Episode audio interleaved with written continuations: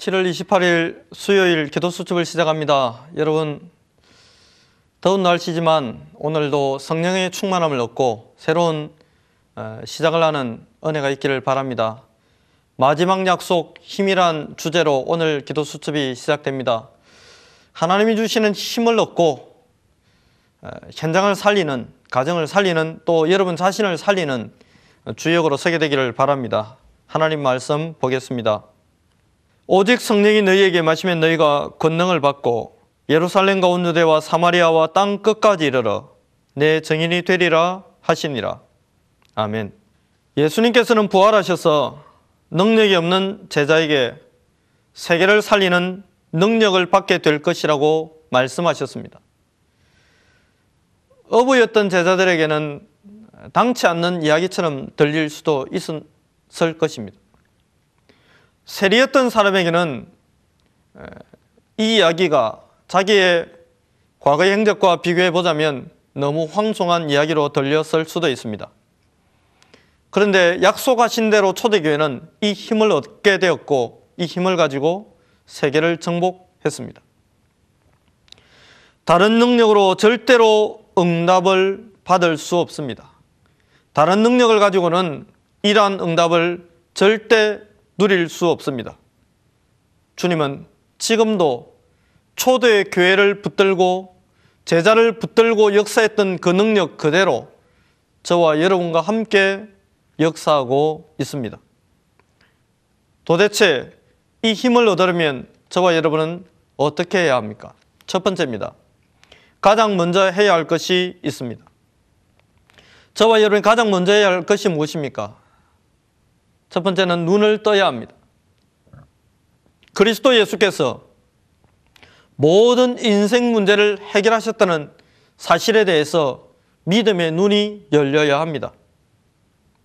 그리고 두 번째는 생각을 바꾸어야 합니다. 분명히 그리스도 예수께서 십자가에 죽으심으로 모든 문제는 끝났습니다. 모든 걸림돌은 제거되었습니다.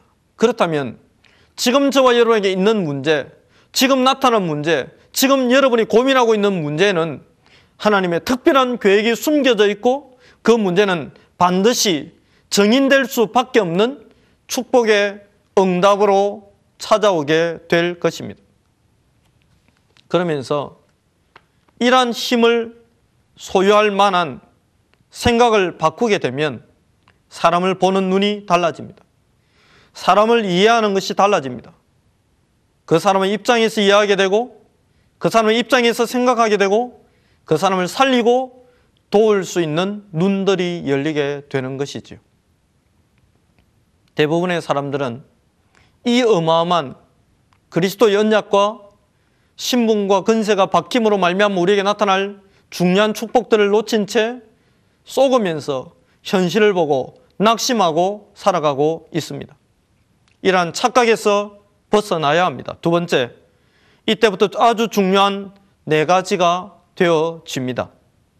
첫 번째는 매일매일 모든 인생 문제를 해결하시고 지금 성령으로 역사하시는 그리스도를 발견하는 기도가 회복됩니다.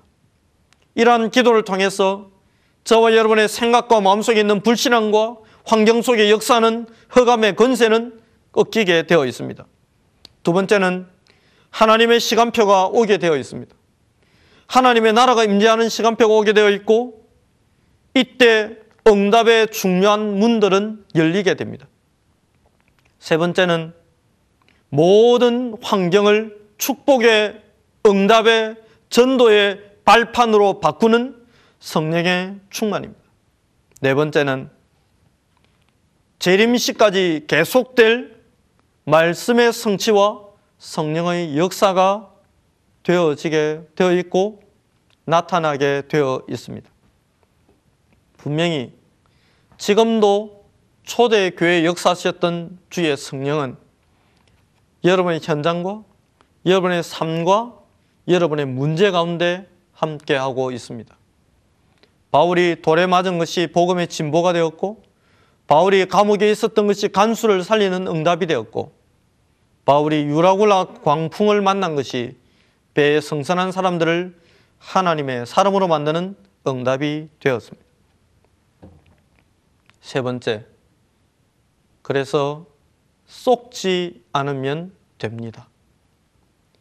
불신앙하지 않고 쏙지만 않으면 다 되게 되어 있습니다. 문제는 우리가 불신앙한다는 것입니다.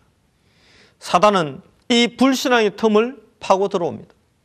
사단은 이 틈을 타고 들어와서 묘하게 이간질시키고 분리시키고 분열시킵니다.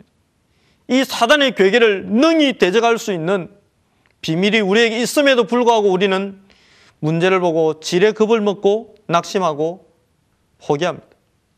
사단은 이것을 잘 알고 있습니다. 사단은 정면 승부를 걸어서는 우리를 결코 이길 수 없다는 것을 알고 있습니다.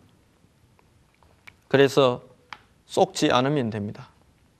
세상의 수준과 기준이 아닌 언약을 붙잡고 24시간 기도의 무릎을 회복하는 축복이 있기를 바랍니다.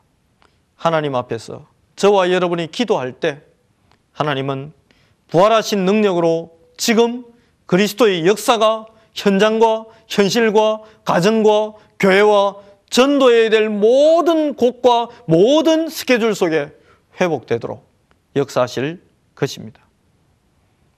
이 복음 안에 있는 저와 여러분은 반드시 성립해 될 것입니다. 오늘의 포럼을 나누겠습니다. 어떤 현장에서도 하나님께서 주시는 참된 힘이 있으면 승리하게 됩니다. 오늘 하나님께서 주시는 영적인 힘을 얻을 수 있도록 나만의 방법을 찾아보세요. 어떤 현장에서도 하나님께서 주시는 힘이 있으면 승리하게 됩니다. 바로 이 방송을 듣고 있는 그 자리에서 하나님은 여러분에게 새 힘을 주기를 소원하고 있습니다. 그 힘을 여러분의 것으로 소유함으로 환경 속에 흑암이 무너지고 하나님의 나라가 임하고 전도의 응답이 시작되기를 그리스도 예수 이름으로 축복합니다. 기도하겠습니다. 우리에게 새 힘을 주기를 원하시는 하나님의 계획과 하나님의 말씀이 현장 가운데 성취되게 하옵소서. 감사드리며 살아계신 예수님의 이름으로 기도드립니다. 아멘.